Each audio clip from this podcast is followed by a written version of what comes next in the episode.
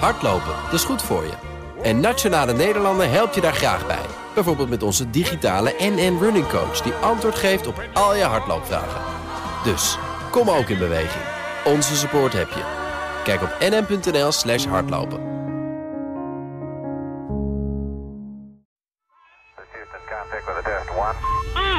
Touchdown confirmed. Hartelijk welkom bij Space Cowboys nummer 43. En we zitten weer met z'n allen in de studio. Ik verwelkom Juri Nortier. Ah, fijn. Weer in de studio. En ik verwelkom Luc van der Nabelen. Ja, het is een stuk gezelliger zo. Stuk beter, hè? Ja, dat vind ik ook. Dus uh, blij toe. We gaan het over allerlei uh, leuke, mooie en interessante dingen hebben. We gaan het hebben over Tom Cruise. Dat lijkt me echt reclame voor de echte ruimtevaartliefhebber. Nogal, hè? Ja. We gaan het hebben over Chinese ruimtevaart. We gaan het hebben over Artemis, over mijnbouw op de maan. Nog iemand iets uh, in te brengen, even snel in de samenvatting? SpaceX. SpaceX, SpaceX natuurlijk. Er is heel veel te vertellen. Ja, Starship. Goed, nou, um, mooi zo. Ik ga gewoon beginnen Domweg, mijn naam is trouwens Herbert Blankenstein, voor wie dat uh, nog niet in de gaten had. Um, we gaan het eerste rondje doen. Luc, uh, waar wil jij het, eerst over hebben? Uh, China. China, kom op met China. Lange Mars 5B is uh, uh, eindelijk gelanceerd. Is helemaal goed gegaan. Uh, raket is uh, geslaagd, zeg maar, voor zijn, voor zijn eerste vlucht. de vorige Lange Mars, dat was de normale 5, zeg maar. die had problemen. ik geloof dat het bijna twee jaar heeft geduurd voordat er weer een exemplaar naar boven ging. En nou, de raket is getest. En heeft ook gelijk een prototype van de nieuwe generatie van Chinese ruimteschepen omhoog uh, gebracht. Um, nou, die heeft iets meer dan twee uh, dagen uh, om de aarde gecirkeld um, en is geslaagd teruggekeerd. Dus um, ja, een, enorm, een enorme opsteker voor, voor de Chinese ruimtevaart. Jij zegt een van de Chinese ruimteschepen. Wat, dat klinkt als iets wat bemand zou Jazeker. moeten wezen. Ja, dit is, in de toekomst in elk geval. Ja, dit is een schip bedoeld voor taikonauten, zoals de Chinese ruimtevaarders ook wel bekend staan. En uh, het is wel opvallend dat er heel nadrukkelijk door de Chinezen is gezegd: dit is niet de vervanging voor uh, de Shenzhou. Het schip wat ze tot nu toe, ik geloof, vijf of zes keer bemand hebben gevlogen. Um, dit wordt aanvullend. Um, het is een, uh, een groot schip. Als je de foto's uh, ziet van uh, een zeer zwart geblakerde capsule met de mensen daarnaast, dan is het echt een end omhoog kijken. Um, het, het, lijkt um, wel ongeveer het ontwerp van de vracht Dragon van SpaceX te hebben gevolgd. De constructie met de parachutes, die niet zoals vroeger de norm was in de neus van de capsule zitten, maar juist helemaal op de bodem. En dan is er een, een speciale uh, kabelgoot, als het ware, die openspringt tijdens de terugkeer. Zodat de parachutes netjes naar boven gaan en het ding uh, goed, goed kan landen. Dus dat, um, dat lijkt een klein beetje afgekeken. En vervolgens is er dan ook nog weer een systeem, als je het zo wil, afgekeken van Boeing. er wordt namelijk op land geland, maar ook weer met airbags. Um, zodat je geen, uh, geen um, remraketten hoeft, uh, hoeft te hebben. Wow. Um, dat is hoe de Shenzhou-capsules landen. Echt en ook vrije val en dan hou je gauw een kussen onder je gat. En nou ja, zoiets. Dat het wel afloopt. drie grote parachutes hoor. Dus je, komt, je komt heel kalmpjes okay. naar, ja. naar beneden. Maar nee, het ding heeft, heeft een interessante vlucht gemaakt van, van twee dagen en 19 uur. en is in die tijd, ik geloof met vijf manoeuvres, steeds een stukje hoger gaan, uh, gaan vliegen. Oh. Het heeft een, een ellipsvormige baan om de aarde uh, gevlogen. Waarvan op een gegeven moment het hoogste punt 8000 kilometer was. Mm -hmm. Dat is gedaan om um, uh, een terugkeer vanaf de maan te kunnen simuleren. Dat gebeurt namelijk met een veel hogere snelheid dan als je alleen maar je rondjes om, uh, om de aarde ja, uh, draait. En um, nou ja, Oké, okay, dus duidelijk dat ze daar plannen mee hebben. Precies, inderdaad. Dit schip is bedoeld om uiteindelijk Chinezen naar de maan te brengen. En dat gaat dan ook gebeuren in de uitvoering die nu gevlogen uh, heeft. Dat is de grote uitvoering. 21 ton weegt, het, uh, weegt dit schip.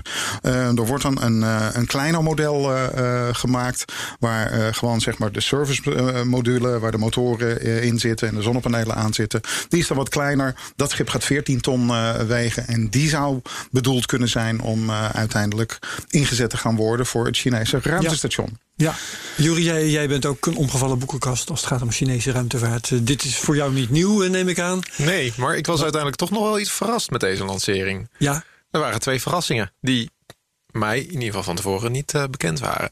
Eh, Welke waren dat, ja? eer- eerste verrassing was dat er nog een extra stukje hardware mee was gegaan de ruimte in. Dat was namelijk een opblaasbaar hitteschild. Nou, nu denk je, hitteschild. De meeste hitteschilden die we kennen, die zijn gewoon keihard. Ja. Eh, gemaakt van materiaal wat heel goed hard, hitte, dik, zwaar. hitte kan, eh, kan, kan tegengaan. En nu zat er opeens een opblaasbaar hitteschild bij. En eh, dit soort tests zijn de afgelopen twintig jaar wel vaker uitgevoerd. Eigenlijk nooit goed geslaagd. eh, omdat de lancering mislukte of gewoon omdat het hitteschild zelf niet goed werd opgeblazen. En deze keer ging het helaas ook weer niet goed. Eh, dus we weten nog steeds niet of de techniek nou echt goed werkt. Maar de basis hiervan is dat je een kleine capsule eigenlijk lanceert. Of een klein, klein eh, apparaatje lanceert. Daar zit heel veel gas bij. Dat gas dat zet op een gegeven moment uit. En daarmee wordt een soort van Kevlar eh, airbag opgepompt in de vorm Ja. van een hitteschild. Beantwoord een van mijn vragen. Waar is het van gemaakt? Ja, dus- Kevlar dus, ja. Heel stevig dik Kevlar. En Ja, door, dat, hittebestendig. door daar zoveel eh, lucht in te pompen, wordt het ook ontzettend hard. En krijg je eigenlijk bijna dezelfde Hard door inwendige druk. Ja, precies. Dus het is alsof je een ballon keihard opblaast. Maar ja, een ballon eh, is van, van rubber gemaakt, dus zet uit. Ja. Kevlar geeft niet heel erg goed mee hierin. Dus Nee. dat wordt ontzettend hard. Maar nu, nu eh, gebruik je dat als hitteschild. Dan wordt het dus heet. Ja, en het grote voordeel daarvan is dat je dus wordt geen... het nog harder. Ja, het wordt heel hard, het wordt heel stevig. Maar het grote voordeel daarvan is dat je het kan opblazen. Dus je kan het Ja. klein transporteren. En als je het echt nodig hebt, Zeker. bijvoorbeeld omdat je naar eh, eh, Mars gaat en daar door de atmosfeer heen wil gaan, Ja. dan pas blaas je het op. Maar zo'n Dat- hitteschild wordt rood gloeiend. ja, Eh, kan Kevlar daar tegen? Het is een stevig spul, maar als je het dik genoeg maakt, kan het hier blijkbaar wel tegen. blijkbaar wel. Ja. Oké, ja. Helaas niet gelukt deze keer. Eh, dus misschien een volgende test dat het wel goed gaat. Het lijkt een beetje op eh, eh, solar sails, de zonnezeilen. Heel vaak getest, Ja. komt steeds maar niet goed. En de, de dingen van SpaceX waar we zo over gaan Ja. hebben. En dan was En er de nog tweede? een- de Ja. tweede verrassing. Wat er meestal gebeurt bij een raketlancering... is dat de eerste trap van een raket komt nou, een uur, twee uur daarna... komt gewoon weer terug op aarde. Eh, wat er bij deze lancering gebeurde... was omdat die eerste trap van die nieuwe Chang'e 5B-raket zo effectief is... is dat die eerste trap in een baan om de aarde terecht kwam. Dus we kregen gewoon Oh. een enorme extra satelliet erbij. Bijna een week lang heeft hij eh, een, ba- een eh, baantje om de aarde gedraaid. Dat ding weegt 20 ton. Eh, Het grootste gedeelte bestaat uit lege eh, brandstoftanks. Dat is niet het grote probleem. Maar er zaten natuurlijk ook raketmotoren in met turbopompen die van heel dicht materiaal gemaakt zijn. Dus je hebt potentieel een ding wat eh, in een baan om de aarde zit. En wat als het eh, eh, terugkomt naar de aarde, waarbij wel onderdelen de hele tocht door de dampkring zouden kunnen overleven. En dat hebben we gezien. Want eh, gisteren is dat ding eh, ergens in West-Afrika eh, door de dampkring geschoten.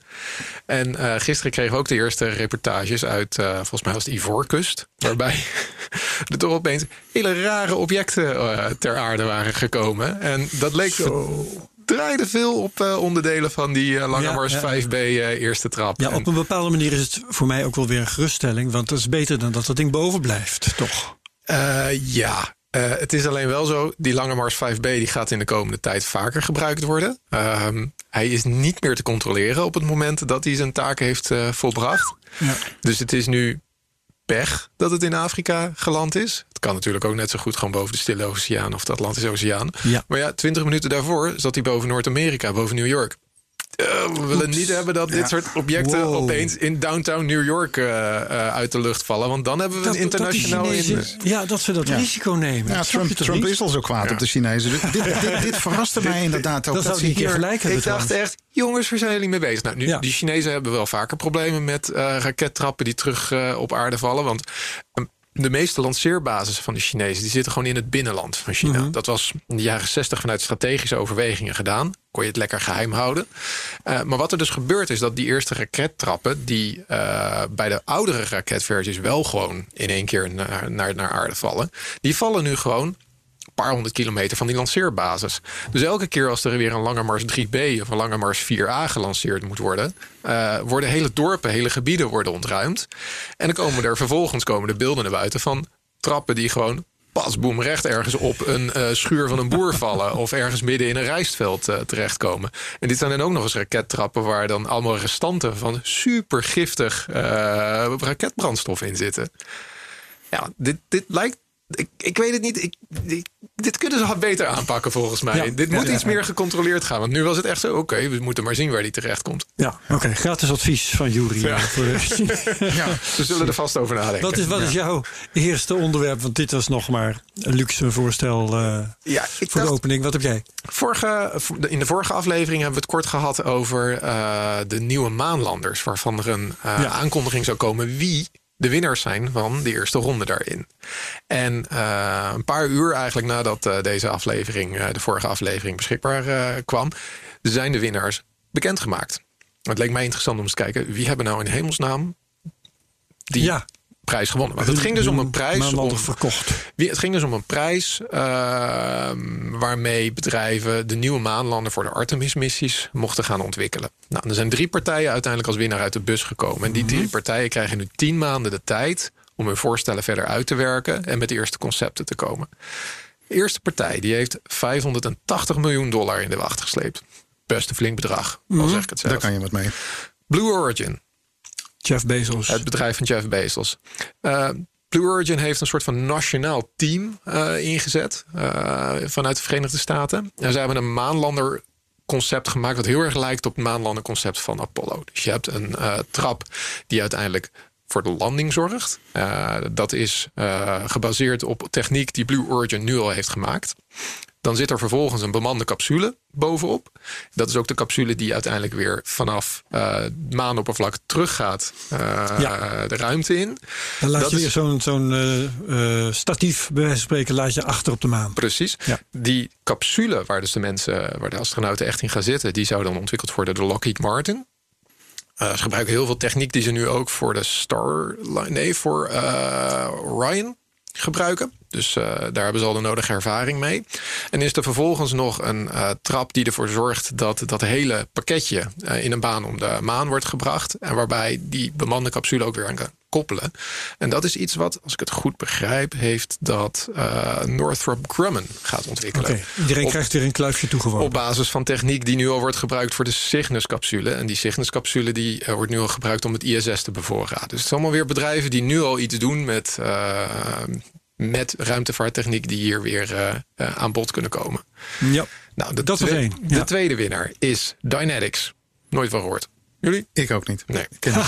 Nee. Nou, Dynetics werkt samen met Sierra Nevada. Die kennen we misschien wel. Ja, Want Dream Sierra. Sierra, Sierra Nevada is een bedrijf wat nu ook werkt aan de Dream Chaser. En de Dream Chaser is een toekomstig bevoorradingsschip voor het ISS.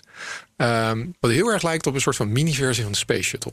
Het is een vliegtuigje, wordt gelanceerd op een Atlas V, koppelt vervolgens aan het ISS, kan van dan helemaal volgeladen worden met eh, goederen die ook weer terug naar aarde moeten komen. En landt dan eigenlijk, net als een Space Shuttle, gewoon op een vliegveld. vliegveld. Ja. Cape Canaveral.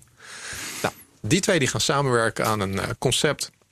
Waarbij eh, de lander en waarbij het eigenlijk gewoon één grote rakettrap is die, die, die landt en die ook weer de lucht in gaat. Er zitten wat afkoppelbare brandstoftanks aan, die ook weer aangekoppeld kunnen worden. Dus er zit wat herbruikbaarheid in.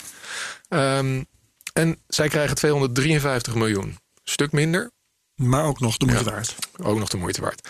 En dan de derde, en dat was voor mij echt een grote verrassing. Die had ik absoluut niet zien aankomen. SpaceX. Voor een maanlander. Ja, Hey, zij krijgen ja. gewoon voor hun Starship, waar we het straks ook over gaan hebben, Ja. krijgen zij gewoon 135 miljoen om dat verder uit te, wikkelen, uit, uit te ontwikkelen voor eh, een maanlander. Dat ding is voldoet compleet niet aan de eerste eisen die gesteld zijn. Want die eerste eis was gewoon voor een korte maanlander waarbij je een paar ton eh, naar de maan kon brengen. Ze hebben een ding ontwikkeld wat ongelooflijk veel meer ton naar de maan kan Ja. eh, brengen. Eh, wat nog helemaal in een soort van testfase zit. Ik bedoel, ze hebben hem nog ineens 150 meter kunnen laten vliegen. Laat Precies. staan dat ze de eerste hop kunnen moet, bereiken. moet nog gehopt worden. Dus dat zag je ook terug in de beoordeling van NASA. Ehm, ja, het is een leuk idee, maar qua technologie zijn jullie nog niet zo ver. En qua management zijn jullie ook nog niet zo heel ver. Dus, eh, Maar is het idee hierachter risico. dat, die- dat, die hele, dat dat hele Starship als, als maanlander gebruikt zou worden? Nee, het, het bestaat wel uit meerdere, uit meerdere onderdelen. Ehm, je lanceert in feite eh, de maanlander. Die lanceer je. Maar als die eenmaal in een baan om de aarde zit, moet die wel weer eh gerefueled worden. Dus er moet opnieuw brandstof in gedaan worden. Dus je moet ook een tanker eh, de lucht insturen, die heel erg lijkt op de huidige spaceship. Dan vervolgens moet je ook nog een. ehm, en die, die tanker die moet natuurlijk ook gevuld worden met brandstof. Dus daar vindt ook weer een extra lancering voor plaats. Dus eer je dat ding op de maan hebt, zijn er wel weer andere vluchten voor nodig. En is er een hele infrastructuur voor nodig.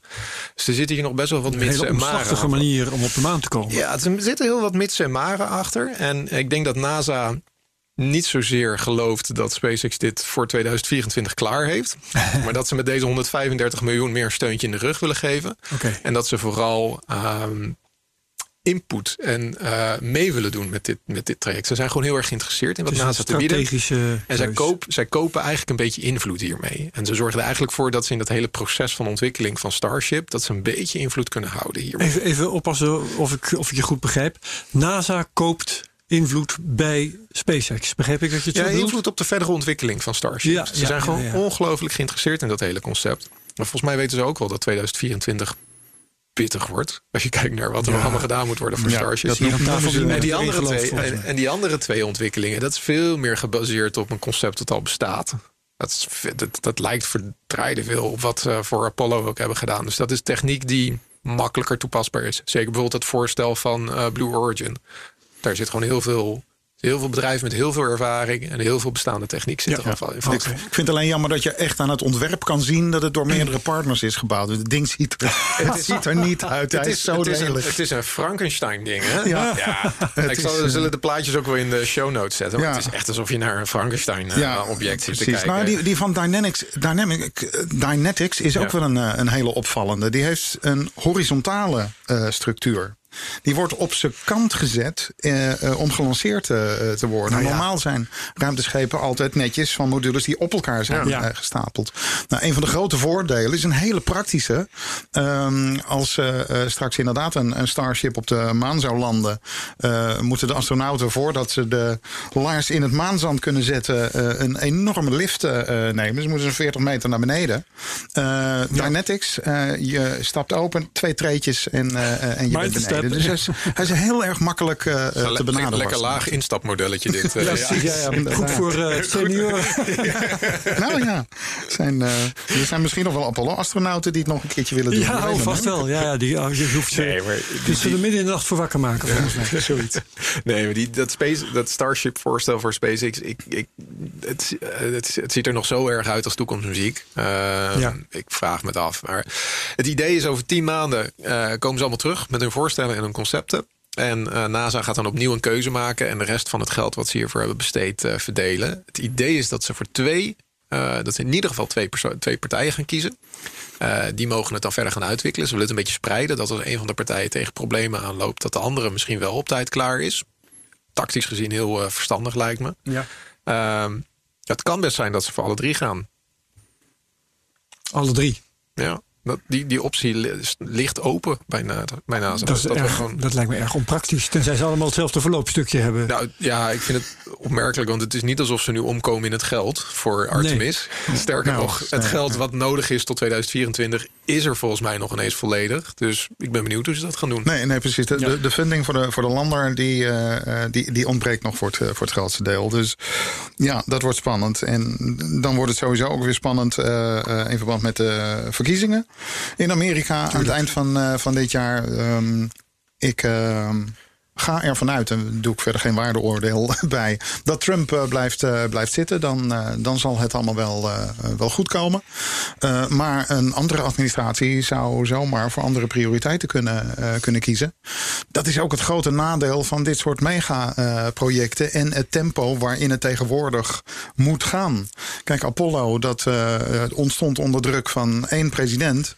En dat Ja. was in principe binnen acht jaar gebeurd. Afgelopen, ja, dat is al Ja. En eh, ja, niemand wilde daar ook van zeggen van nou, eh, die, die handel stoppen we. Daar was het eh, politiek ook te, te gevoelig voor. Maar ja, tegenwoordig een groot project, zeker als het met bemanning te maken heeft, duurt gewoon tien jaar om, om te ontwikkelen en, en te exporteren. En als je daar dan iedere keer een wisselende regering hebt die andere plannen heeft, ja, dan krijg je, nou ja, eigenlijk wat het de laatste 15 jaar met Ja, NASA is gebeurd. Ja, ja, ja. Er zijn diverse initiatieven geweest om naar de maan te gaan. En iedere keer werd de boel eh, gereorganiseerd, afgeschaft en eh, opnieuw eh, opgestart. Ja, in principe hadden we tien jaar geleden al op de maan kunnen staan. Dat is, dat is nou, wel jammer. zeker, ja. Ik eh, zal zelf eh, jullie confronteren met het bericht dat de regering Trump bezig is met een, eh, een internationaal verdrag voor te bereiden dat mijnbouw op de maan mogelijk moet maken. Oh, daar kom ik straks ook nog wel op terug. wil je terug? Ja. Goed. Ehm, dat, is, dat is mooi, maar in ieder geval eh, de inhoud van het voorafgaande is dat eh, ik denk al één of twee jaar geleden is er in Amerika een wet aangenomen eh, eh, die Amerikaanse bedrijven het recht geeft, maar dan volgens de Amerikaanse wet natuurlijk, om eh, aan mijnbouw te doen in de ruimte. Komt er dan in het kort op neer dat wat je als bedrijf aantreft, wat je in je zak steekt en meeneemt uit de ruimte, dat mag je ook houden en verkopen. Alleen dat is internationaal niet erkend. Dat is geen internationaal verdrag. Nee, er is eh, wel een internationale Moon Treaty. En die zegt van eh, de maan is van niemand. Ja, nou ja, eh, daarom denk ik ook juist daarom willen ze nu van een soort gelijk maanverdrag willen ze wel een internationaal verdrag maken.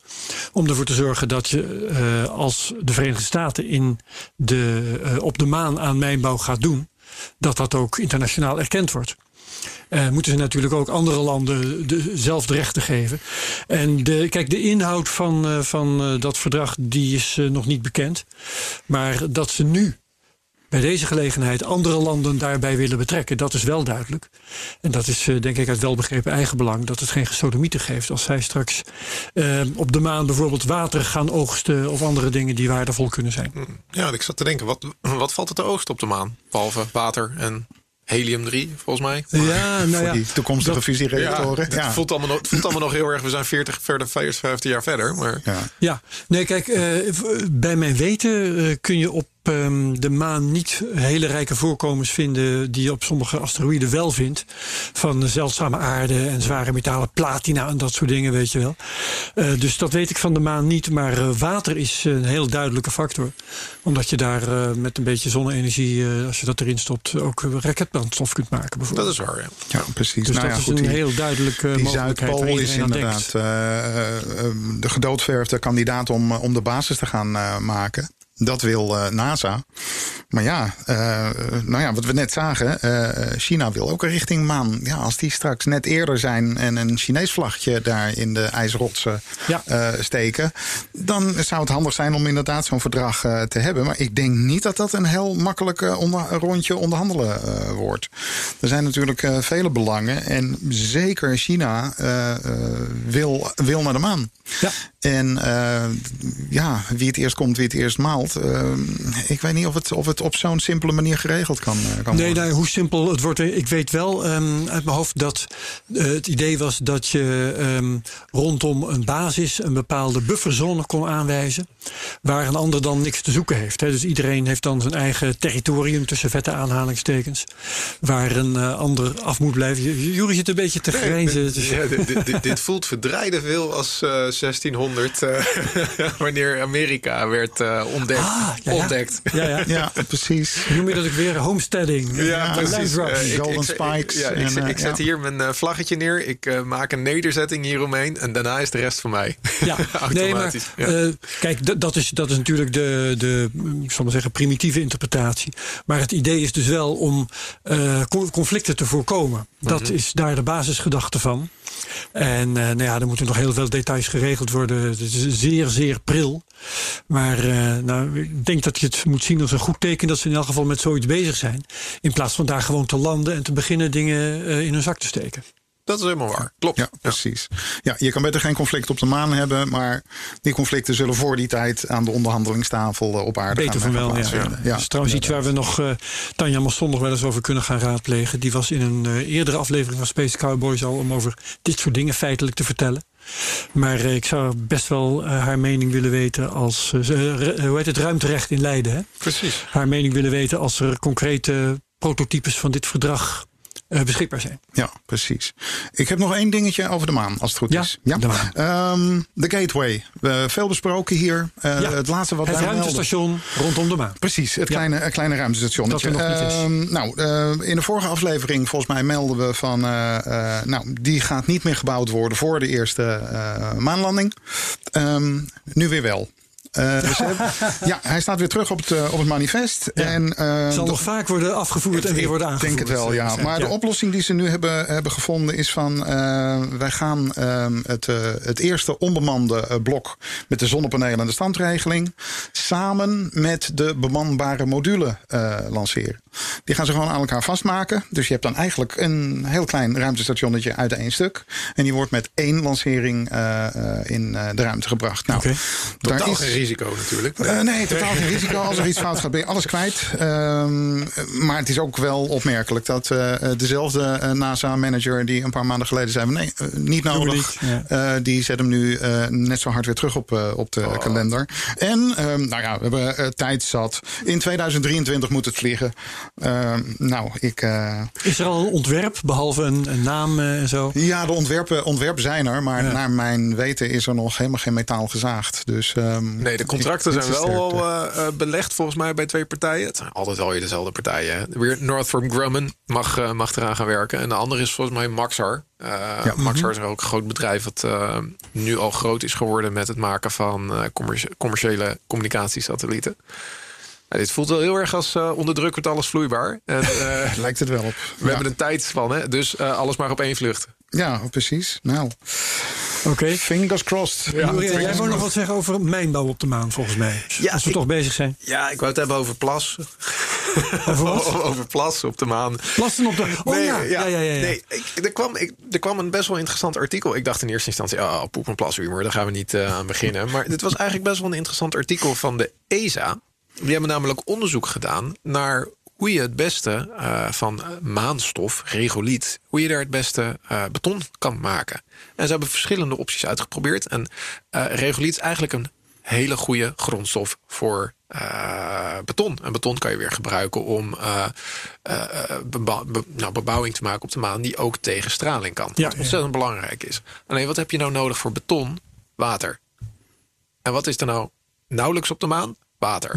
Dus daar, daar liep ze tegenaan. Dus wat heb je nodig om eh, regoliet zo vloeibaar en zo kneedbaar te maken dat je er een mooi eh, huis van kan maken. Of een mooie, Ja. eh, het is daar een soort van iglo-achtige constructie, zie je vaak in die artist renders terug. En toen bleek dat urea, een van de belangrijkste onderdelen van urine, ervoor zorgde dat regoliet ongelooflijk vloeibaar werd. En dus ook ongelooflijk kneedbaar werd. En dus perfect betonmateriaal werd.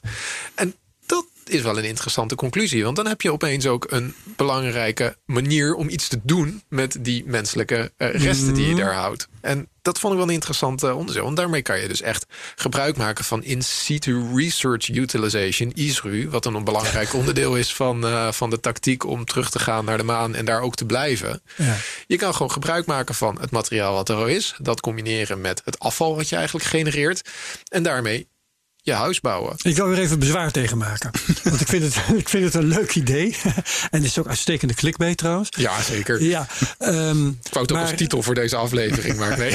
Nou, oké. eh, ik- Dat is nee, een nee, plasje maar- te ver. Ja. Ik had, ik had al een andere, maar dat, ik had een titel bedacht die eh, voortkomt uit iets wat, waar we het straks nog over gaan hebben. Maar dat die urine, jij zegt afval, hè, je piest toch en je gooit het toch weg. Maar dat is natuurlijk niet zo.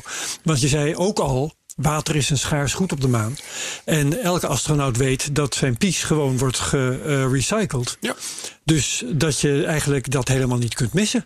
Nee, het water, eh, wat, je, wat, wat er gebruikt wordt, het water wordt er gewoon uitgefilterd eigenlijk. Maar wat je Dus je overhoudt. alleen die urea. Wat je, wat je overhoudt is urea. Dat is, dat is een belangrijk basisproduct van urine. Maar je moet die beton, dat beton toch wel vloeibaar maken. Ja, Water is ook een onmisbaar urea, urea zorgt dus voor een bepaalde chemische reactie. Ehm, het artikel geeft heel duidelijk aan wat voor chemische reactie dat precies is. En ook wat het doet met het regoliet. Maar Mhm. het, zorgt, het zorgt ervoor dat je met, maar met een klein beetje extra water... echt perfect beton kan maken daarmee. En het grootste gedeelte, gewoon het water... wat je eh, uit de urine kan halen... dat kan je gewoon weer voor menselijke consumptie eh, hergebruiken. Oké. Ja. Dus je hebt, maar, je hebt veel minder water nodig... dan wanneer je gewoon alleen regoliet en water bij elkaar zou doen. Ja, Ja, nou dan valt het mee. Ik had even het beeld van een astronaut die naar buiten gaat en een paar betonblokken bij elkaar piest. Maar het, werkt net in, wat. theorie, eh, in theorie zou dat dus kunnen. ja, Maar dat zou zonde zijn, want daar zit gewoon heel veel water bij. ja, precies. Daar moet je toch gebruiken. zuinig mee omgaan. Ja. Nou wou ik eventjes voor het geval jullie een baantje zoeken, eh, jullie het volgende laten horen. Some people look to the stars and ask, what if? Our job is to have an answer. We have to imagine what will be imagined. Plan for what's possible while it's still impossible. Maybe you weren't put here just to ask the questions.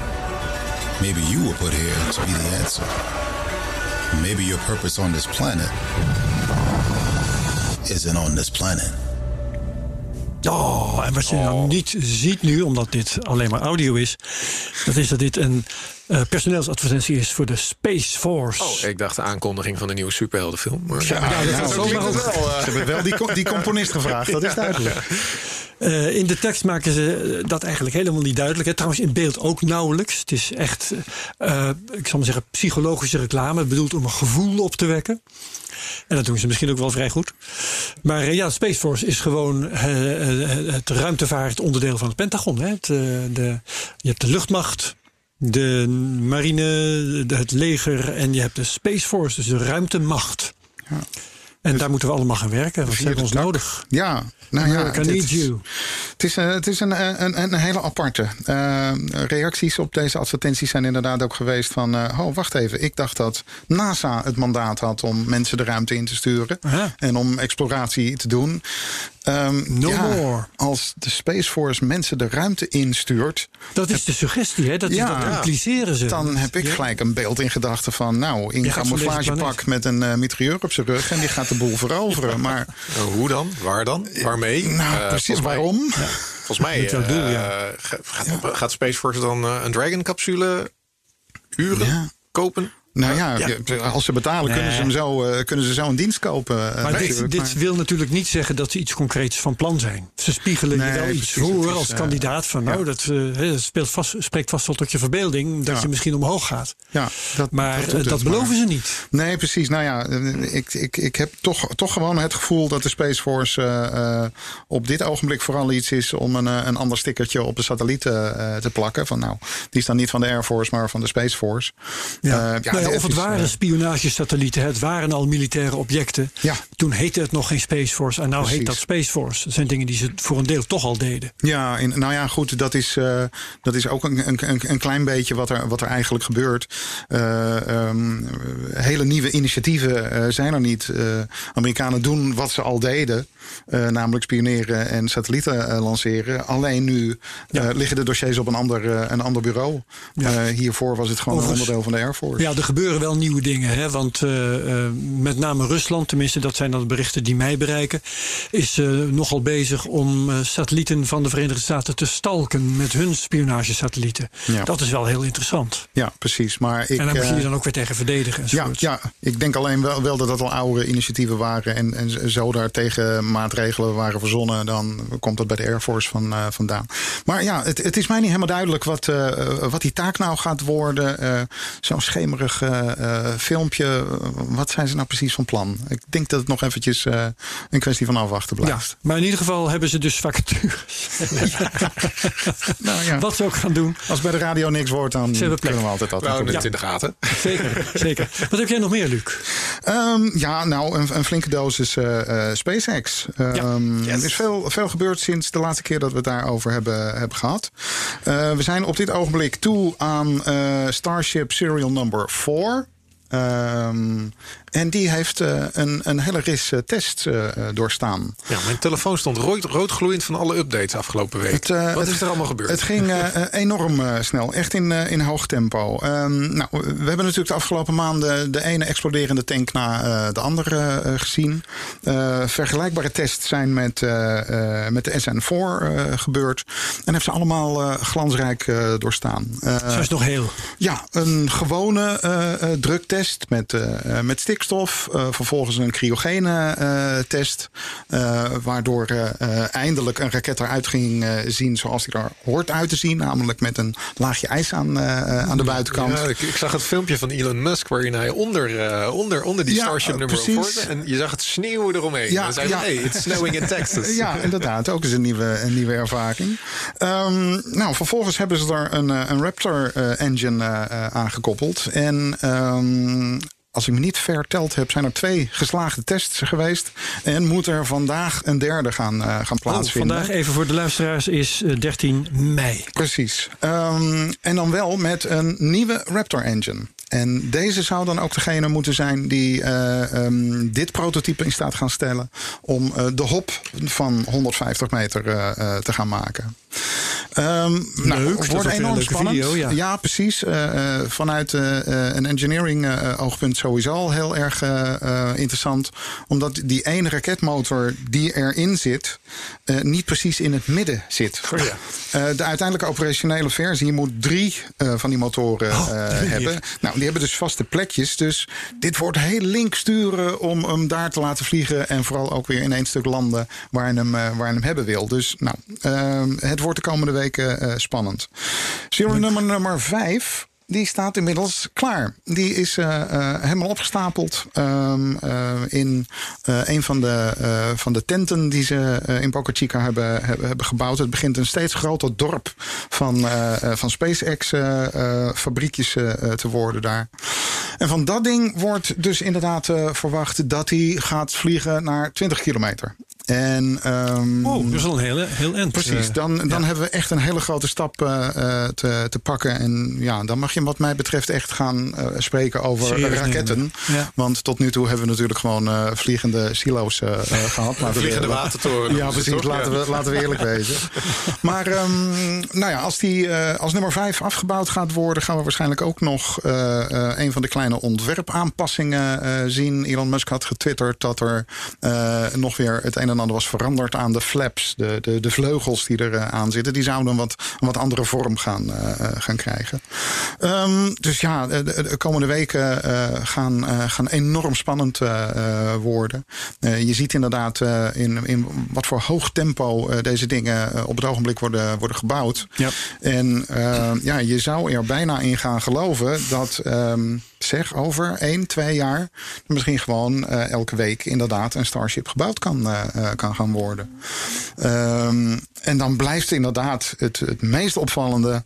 Nou, we doen het gewoon eh, bijna met de mensen die die watertorens bouwden. Die bouwen nu ruimteschepen.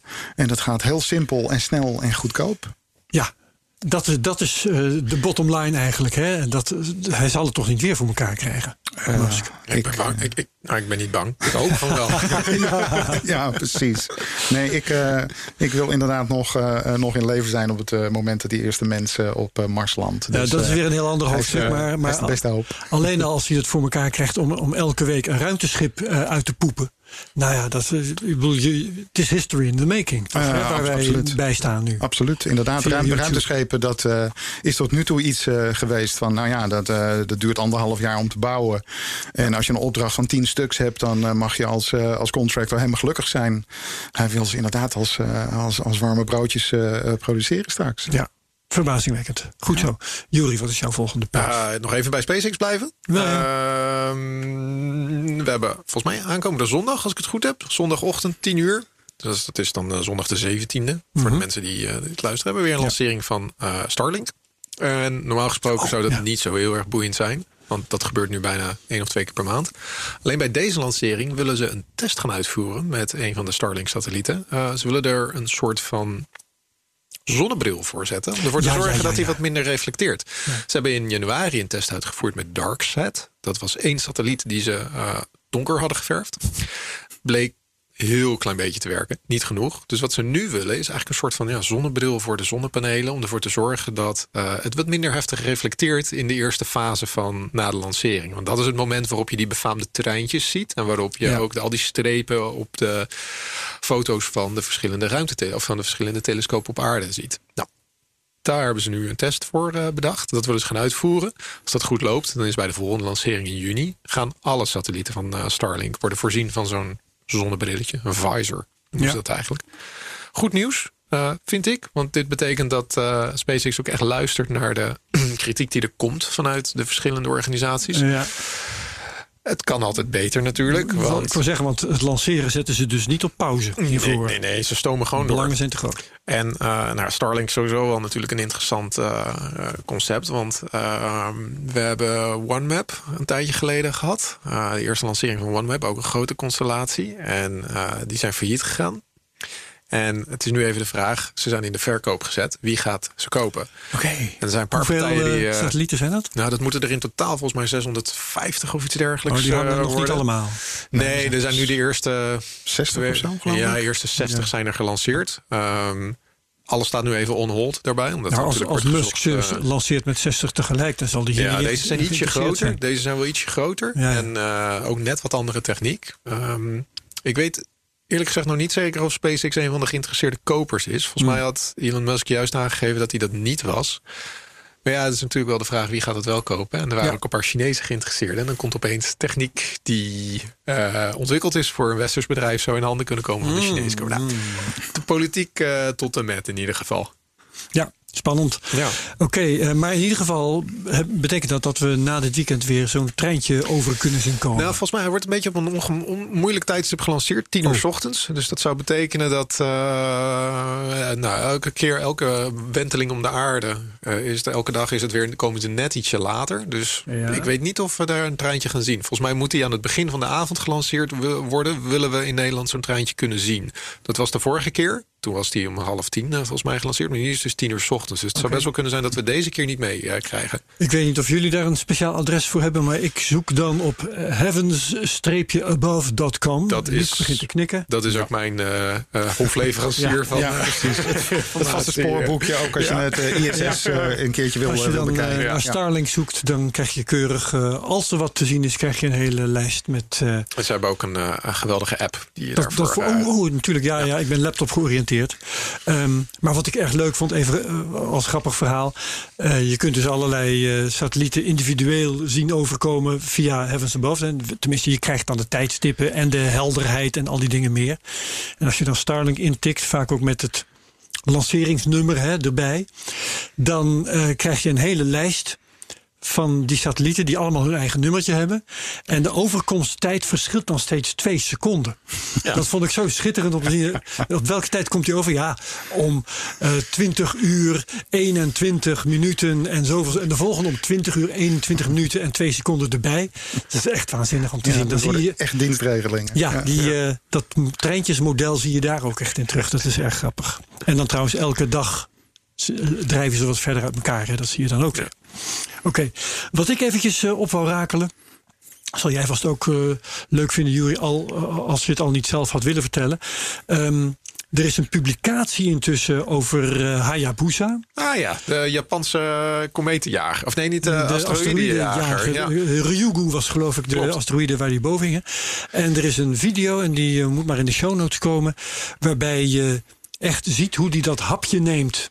Volgens mij was die niet eerder bekend. Of jij moet kunnen vertellen dat het anders is. Nee, die is net gepubliceerd. Dus nieuwe, Precies. nieuwe papers zijn er ook gepubliceerd. eh. En je ziet dus echt dat oppervlak dichterbij komen en dichterbij, dichterbij. Tot je echt dat oppervlak kust van die asteroïde. En dan bam gaat hij meteen weer terug. Want het is echt een, een aanraking geweest en dan meteen weer wegwezen. Maar het is wel een, een echt een unieke video. Je ziet Ja, dat nooit zo. Nee, je ziet inderdaad alle stenen in het rond tuimelen en zo. Het is geen Ja. eh, zachtzinnig eh, kusje geweest eh, in ieder Nee, geval. nee. Het deed letterlijk een hoop stof eh, opwaaien. Maar ja, het, is wel, het is wel waanzinnig om, om dat zo te kunnen, te kunnen bekijken. Ja, een Ja. prachtige opname. Ja, oké. dat was kort en goed wat, eh, wat ik daar nog over te melden had. Had jij nog meer, Luc? Ehm, ja, nog, nog, nog twee dingetjes. Eentje, ja, is het belangrijk? Nee, maar het is wel leuk om te, om te melden. Eh, de 27e eh, moet de eerste bemande Amerikaanse lancering vanaf US soil in, el, in eh, negen jaar gaan, eh, gaan plaatsvinden met eh, de Crew Dragon. Ehm, voor die gelegenheid zijn ze op het grote eh, Vehicle Assembly Building op eh Kennedy Space Center. dat ik nog wat anders help me straks onthouden. Ik heb nog wat anders te vertellen. Maar dat, is, dat staat hiermee in verband. Ga verder. Goed zo. Eh, nou, eh, NASA wil natuurlijk eh, een goede indruk eh, eh, maken. En eh, daarom zijn ze bezig eh, de grootste afbeelding van het NASA-logo. 30 bij 40 meter. Eh, opnieuw te schilderen op het eh, Vehicle Assembly Building. Dat is tien jaar geleden voor het laatst gebeurd. De Florida-zon is eh, enorm meedogenloos, dus dat ding is verbleekt. Dus ze zijn hem helemaal weer in rood, wit en blauw opnieuw aan, het, aan het schilderen. Ehm, ja, helaas voor NASA, er komen geen honderden journalisten op, op af. Vanwege corona moet iedereen thuis blijven. Ehm, dat is één dingetje. Nou, dan iets anders wat nog meer tot de verbeelding spreekt. Ehm, gaat een van onze action hero acteurs nu echt Oh ja. de ruimte in? Precies. Tom Cruise. Ehm, er werd afgelopen week eh, eh, bekend dat eh, Cruise in gesprek is met SpaceX en NASA om een speelfilm in de ruimte te gaan draaien. Ja. Ehm, ik heb niet knalhard de bevestiging uit de mond van Cruise eh, gehoord dat hij zelf gelanceerd gaat worden om boven eh, te gaan acteren. Maar eh, ja, dit is wel een, een hele spannende natuurlijk. Er zijn wat pogingen gedaan. Aan boord van Mir zou ooit nog eens een, een speelfilm worden gedraaid met een, een Russische acteur die al helemaal in training was en al op de crew portraits stond. En op het laatste moment ging dat niet door. Een van de ruimtetoeristen, de zoon van, eh, van Owen Garriott, een eh, NASA-astronaut die eh, ook een trip naar ISS eh, eh, had geboekt, die heeft iets van 20 minuten een, een, een klein eh, dingetje gemaakt. Maar het zou nu echt gaan om een Hollywood-productie Ja. die in de ruimte gedraaid eh, gaat Tom, worden. Tom Cruise doet altijd zijn eigen stunts. Ja, dat is natuurlijk wel een hele dikke hint. En ehm, ehm, oké, je, je kan eh, eh, denken over, over het genre films wat, je, wat je wil. Maar Cruise is een enorm populaire vent. Ja. En het zou een gigantische strekken. ambassa- ambassadeur voor NASA en de bemande ruimtevaart in het algemeen eh, Je, kunnen je worden. als dit ja, lukt. p- mijn, mijn eigen eh, emotie, wil ik het maar noemen, daarbij is... ik wou dat ze het aan een aardiger acteur hadden gegund. stel, stel dat dit doorgaat natuurlijk. Ja, ja, of gewoon In plaats aan, van die pedante kwast. aan een Nederlandse radiocorrespondent of iets dergelijks. Om er iets te Oh, ja, ja, ja. In de Dragon-capsule passen makkelijk vier mensen. Ik, eh, Ja, Vier ja. is, vier is genoeg. Ja, ja, en Cruise is maar een klein mannetje. Dus ah, joh, daar, kunnen er zes in. Dat, eh, Maar iets anders is trouwens, eh, als je kijkt naar andere ruimtevaartfilms die er zijn gemaakt, hè, denk aan Gravity of iets dergelijks. Ja, weet je, ze hebben de realiteit toch niet nodig om gewichtloosheid een beetje leuk bijna te suggereren. Nee, inderdaad. Het is. eh, Dus eh, het is, eh, voor mij is het gewoon een soort, een, natuurlijk een selling point. Heb jij die film al gezien die echt in het ISS is gedraaid? Ja. Dat is de enige. Ja, precies. Misschien, Perfecte eh, marketing dit. Ja, dat, Ja. dat, dat wel. Kijk, eh, Of je de kosten ehm, eruit haalt is een tweede. Ja, kijk, we hebben nu natuurlijk altijd van die, eh, van die movie eh, eh, junkets... waarin eh, ehm, ehm, journalisten een paar minuten met de acteur kunnen praten. Eh, ja, je kan nu dan de pers gaan uitnodigen van... nou, kom maar naar de lancering van onze acteur. Ja. Ja, dat vecht natuurlijk maar even- om een minuutje air, airtime in de Precies. directe communicatie Ja. met Cruise als hij daar is. Inderdaad, visueel zal het niet veel verschil eh, maken. Ik moet echt zeggen dat ik eh, vooral bij, bij Gravity eh, eh, eh, alleen maar eh, eh, wist van dit kan niet echt zijn, omdat bepaalde details aan de buitenkant van de Soyuz niet klopten. Maar verder de textuur, de uitzicht op de aarde. Zeer frustrerende film eigenlijk. daarmee. Ja, ik- zeker. Dat, eh, Soms is het fijn om niet, niet iets te weten. Dan Nee. kan je meer genieten van een film. Nou, Ja, er, was, er was één eh, moment, dat herinner ik me nog heel goed. Heb ik nog eh, hier on-air bij BNR een beetje ruzie over gehad met een presentatrice. Eh, ik vond echt een, een domper in Gravity. Dat er een shot is, dan, ik geloof dat Sandra Bullock is, die, of, of was nou haar collega, die al roterend wegdrijft. En dan heb je een shotwissel. En eh, in het volgende shot drijft die persoon nog steeds roterend weg, maar is de rotatie sneller. Ja, Dat kan niet. ja. Precies. Nee, precies. En dan valt de film voor mij door de mand. Verder voor niemand natuurlijk. Nee, nou ja, zo. Er was. Klein detail. Hele film. Ja, ja, nou, er was, er Maar daar was hebben een- ze dan science advisors voor. Dat, dat was inderdaad een, een, een storender eh, eh, detail voor mij nog. Dat er eh, uiteindelijk wordt iemand weggeslingerd. En die raakt met zijn been verstrikt in een kabel. Oh ja. En vervolgens blijft die kabel heel erg gespannen staan. En, ja, maar dat gebeurt dus niet. Dat is inderdaad. Er zaten gewoon natuurkundig een paar dingetjes in die niet klopten. En dat is dan eh, jammer. Maar ja, hoeveel, hoeveel mensen kijken er naar een Hollywood-film met zoveel. eh, Ja, inderdaad. En andere dingen wel- waar wij toevallig iets minder van weten, daar trappen wij weer in. precies. Geluk- Gelukkig Tom Cruise films staan altijd bekend om hun eh, realiteit. ja, ja, precies, inderdaad. Ja. Ehm, maar eh, nu we het toch over dat ruimtestation hebben en dat soort dingen. Ehm, ik eh, kreeg vandaag voor het eerst te zien eh, een simulatie die SpaceX beschikbaar heeft gesteld. Ja, Ik heb hem jullie, geprobeerd. Jullie kennen hem allebei? Ik heb hem geprobeerd. Ja. Ik, eh, crashte, voor- eh, ik crashte ontzettend tegen het station. Ja, oh, Even voor de luisteraars. Even. Ja, eh, je kunt nu, en we zetten de link in de show notes, ehm, de Dragon 2 navigeren bij koppeling aan het ISS. Dus je zit zelf achter de knoppen en je ziet het ISS zie je voor je uit en zie maar dat je koppelt. Precies. En om dat eh, met succes voor elkaar te krijgen, moeten allerlei variabelen, het zijn er eindeloos veel, moeten onder een bepaalde grens zijn. Anders dan eh, knal je erop of je, eh, of je haalt die koppeling niet eens of weet ik veel wat. Ja. En eh, ik ga straks nog iets meer over zeggen. Maar wat wil jij kwijt, Julie? Oh nee, ik, ja, nee ik- dat, dat het me absoluut niet lukte. Ja. Eh, en dat ik, ik, ik dacht autorijden in het centrum van Utrecht of Amsterdam is lastig. Dit is wel echt een compleet andere wereld van pijn. eh. Ja, Ja, ja. precies. Nou, het, is, het is wel een, een leuk en erg leerzaam ding. Het is dus helemaal gebaseerd op de simulatie die de NASA-astronauten bij, eh, bij SpaceX krijgen. Het heeft dezelfde vormgeving. Dus eh, je kan je een beetje eh, astronaut voelen, maar na een kwartier voelde ik me alles behalve een astronaut. ik vloog alle kanten op, behalve de goede. Voor, voor wie zich dat niet meteen voor de geest kan halen. Ehm, ik heb daar met mijn natuurkundige kennis in het achterhoofd even over na zitten denken.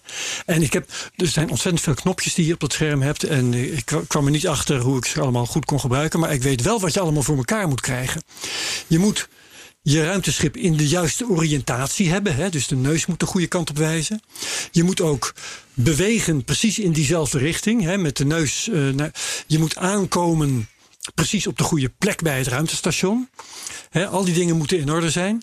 Ehm, met ook het, eh, het, het ruimteschip in de goede stand. Heb ik nou alles? Volgens mij En de juiste snelheid. De en je snelheid moet uitkomen op precies nul. Ja. Al die dingen moeten kloppen. Ja. En dat zijn weet ik hoeveel vrijheidsgraden. En die moet je allemaal met al die knopjes, veel meer dan je in één keer kunt indrukken, eh, moet je die zien te regelen. Dus daarom is dat zo belachelijk moeilijk. De eerste, de eerste astronauten en cosmonauten deden dat inderdaad allemaal met eh, twee, eh, eh, twee pookjes. Twee pookjes. en eh, die koppelden met, met maanlanders en ruimtestations alsof het niks was. Ja. In principe gaat het nu allemaal vol automatisch. Maar ja, bemanning moet natuurlijk wel kunnen ingrijpen. Vandaar dat die training eh, met zo'n simulator eh, een hele belangrijke is. Ja, goed. Ehm, dat was wat ik had. Had jij nog meer, Jury? Ja, twee kleine, twee kleine nieuwtjes. Ehm, misschien eentje in de categorie eh, landen waarvan je niet wist dat ze een ruimtevaartprogramma hadden. De Verenigde Arabische Emiraten. Die heb ik wel eens horen noemen. En dat was toevallig eh, ook in eh, verband met ruimterecht. Omdat die iets van plan waren met het eh, mijnbouw plegen op asteroïden. Klopt, ja, dat. Dat hebben ze inderdaad ook. Maar ehm, ze zijn best wel ver. Ehm, ze hebben al een paar uh, aardobservatiesatellieten. Nou, dat heeft tegenwoordig iedereen wel in een baan om de aarde zitten. Vorig jaar hebben ze uh, met behulp van een Russische uh, Soyuz... hebben ze een paar dagen lang een uh, astronaut uit de Verenigde Arabische Emiraten... aan boord van het ISS gehad. Gedurende tien dagen. Dat was eigenlijk meer een soort van ruimtevaarttoerist. Alleen dat is ze bevallen. En daarom hebben ze nu een volledige Soyuz geboekt... nou, dat is dus één Russische. Zeker voordat de olieprijzen instorten. Uh, ja, waarschijnlijk wel. Nou ja, geld is geen gebrek daar in die landen. Nog niet, nee. En ze investeren heel veel in wetenschap. Dus dat ja. is alleen maar goed uh, hierbij. En dus ook in de ontwikkeling van hun ruimtevaartprogramma. En ze hebben dus nu voor 2022, als ik het goed heb. Uh, ja, voor 2022 hebben ze een volledige Soyuz geboekt. Met één Russische cosmonaut als, als kapitein. En twee plekken voor hun eigen astronauten. zodat ze een tijdje aan het ISS mogen blijven volledig geboekt, helemaal betaald door de overheid van de Verenigde Arabische Emiraten. Het is wel iets wat we waarschijnlijk vaker gaan zien. Ook ja. nu uh, SpaceX natuurlijk straks een Dragon-capsule uh, beschikbaar stelt voor andere landen. Het zou best wel eens kunnen dat er hier naar een paar landen zijn die wel geld hebben, wel op zoek zijn naar nationale prestige, ja. maar niet een eigen ruimtevaartprogramma uh, met eigen raket hebben dat ze dit soort uh, zaken gaan ja, boeken. En ik heb begrepen, want, want uh, je kunt het gooien op prestige, maar dat de belangstelling van de Verenigde Arabische Emiraten juist voortkomt uit het besef dat die olie niet eeuwig is. Daarom, daarom investeren ze nu. mijnbouw plegen Ja. op asteroïden. Want dat is ook een ander project waar ze mee bezig zijn uh, geweest. Dat is Al Amal. Uh, schijnt Arabisch te zijn voor hoop. En dat is een Mars-zonde. En die wordt deze zomer gelanceerd. Uh, wat ze daar hebben maar gedaan dat is. Toch onbemand, hè, neem ik aan. Ja, dat is onbemand. Ja. Uh, maar het is wel een, uh, een unicum. Want niet zo heel veel landen hebben een uh, actieve zonde om de, om de Mars heen, eh, om Mars heen draaien. En het idee is ehm, dat dit ook gedaan is om hun eigen innovatieve sector en hun eigen technologische sector verder te ontwikkelen. Dus ze hebben een eh, raket geboekt bij Japan, bij Mitsubishi. Mitsubishi heeft de H2A-raket. en eh, ze hebben samen met een Amerikaans bedrijf hebben ze die Marszonde ontwikkeld. En die moet dus ergens in juli dit jaar moet die gelanceerd worden. Leuk. Interessant. Ja, daar dus die, gaan, ons, die, eh, die gaan nog veel verder eh, hiermee de komende periode. daar ga je ons ook over op de hoogte houden. Jazeker. Neem ik. Laatste nog. eh, een lancering die, wat is het, zaterdag plaats gaat vinden als alles goed is. Ehm, de X-37B gaat weer de lucht in. Nee, toch? Als we het hebben over, nee, dat is, eh, als we het hebben over de, de US Space Force, dit is eh, een van hun missies eh, die de lucht in gaat. De X-37B is een mini space shuttle.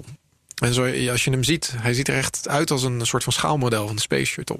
Eh, het is een klein ruimtevliegtuigje wat eh, eens in de zoveel jaar in een baan om de aarde wordt gebracht. Eh, Eens in de zoveel jaar. ja, het is, hij, gaat niet voor het eerst. hij is herbruikbaar en dit is al nummertje 6 volgens mij. Oh. Die, die gaat sinds 2010, 2012, eh, die periode lanceren ze deze eens in de jaar, eens in de twee jaar.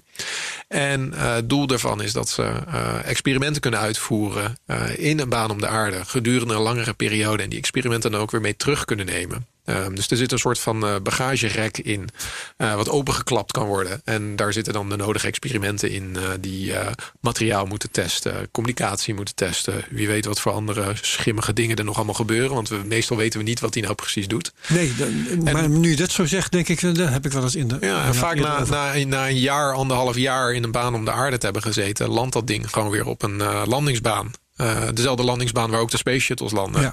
Eh, wordt die schoongemaakt, eh, klaargemaakt voor de volgende missie. Met nieuwe experimenten erin en weer gelanceerd. Het is, het is niet iets waar ze mee te koop lopen, maar helemaal geheim is die dus ook weer niet. Nee, en dit, dat vond ik ook wel weer het grappige deze keer. Ze hebben een nieuwe experimentmodule aan de achterkant van dat ruimteschip geplaatst. En alle foto's die je online ziet, daar is precies dat stukje achterkant is er steeds afgesneden. Dus je ziet gewoon, ah, deze foto die was ooit groter. En ze hebben echt net op het juiste lijntje hebben ze het steeds af zitten snijden. Dus er zit iets wat ze willen verbergen.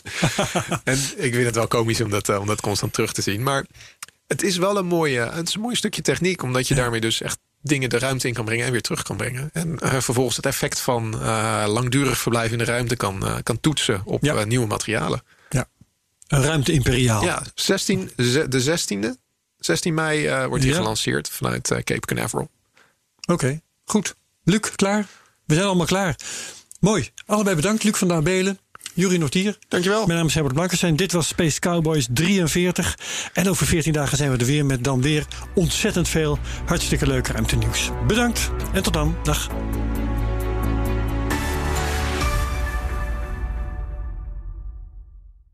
Business Booster. Hey ondernemer, KPN heeft nu Business Boosters. Deals die jouw bedrijf echt vooruit helpen. Zoals nu, zakelijk tv en internet, inclusief narrowcasting... de eerste 9 maanden voor maar 30 euro per maand. Beleef het EK samen met je klanten in de hoogste kwaliteit. Kijk op kpn.com slash businessbooster. Business Booster.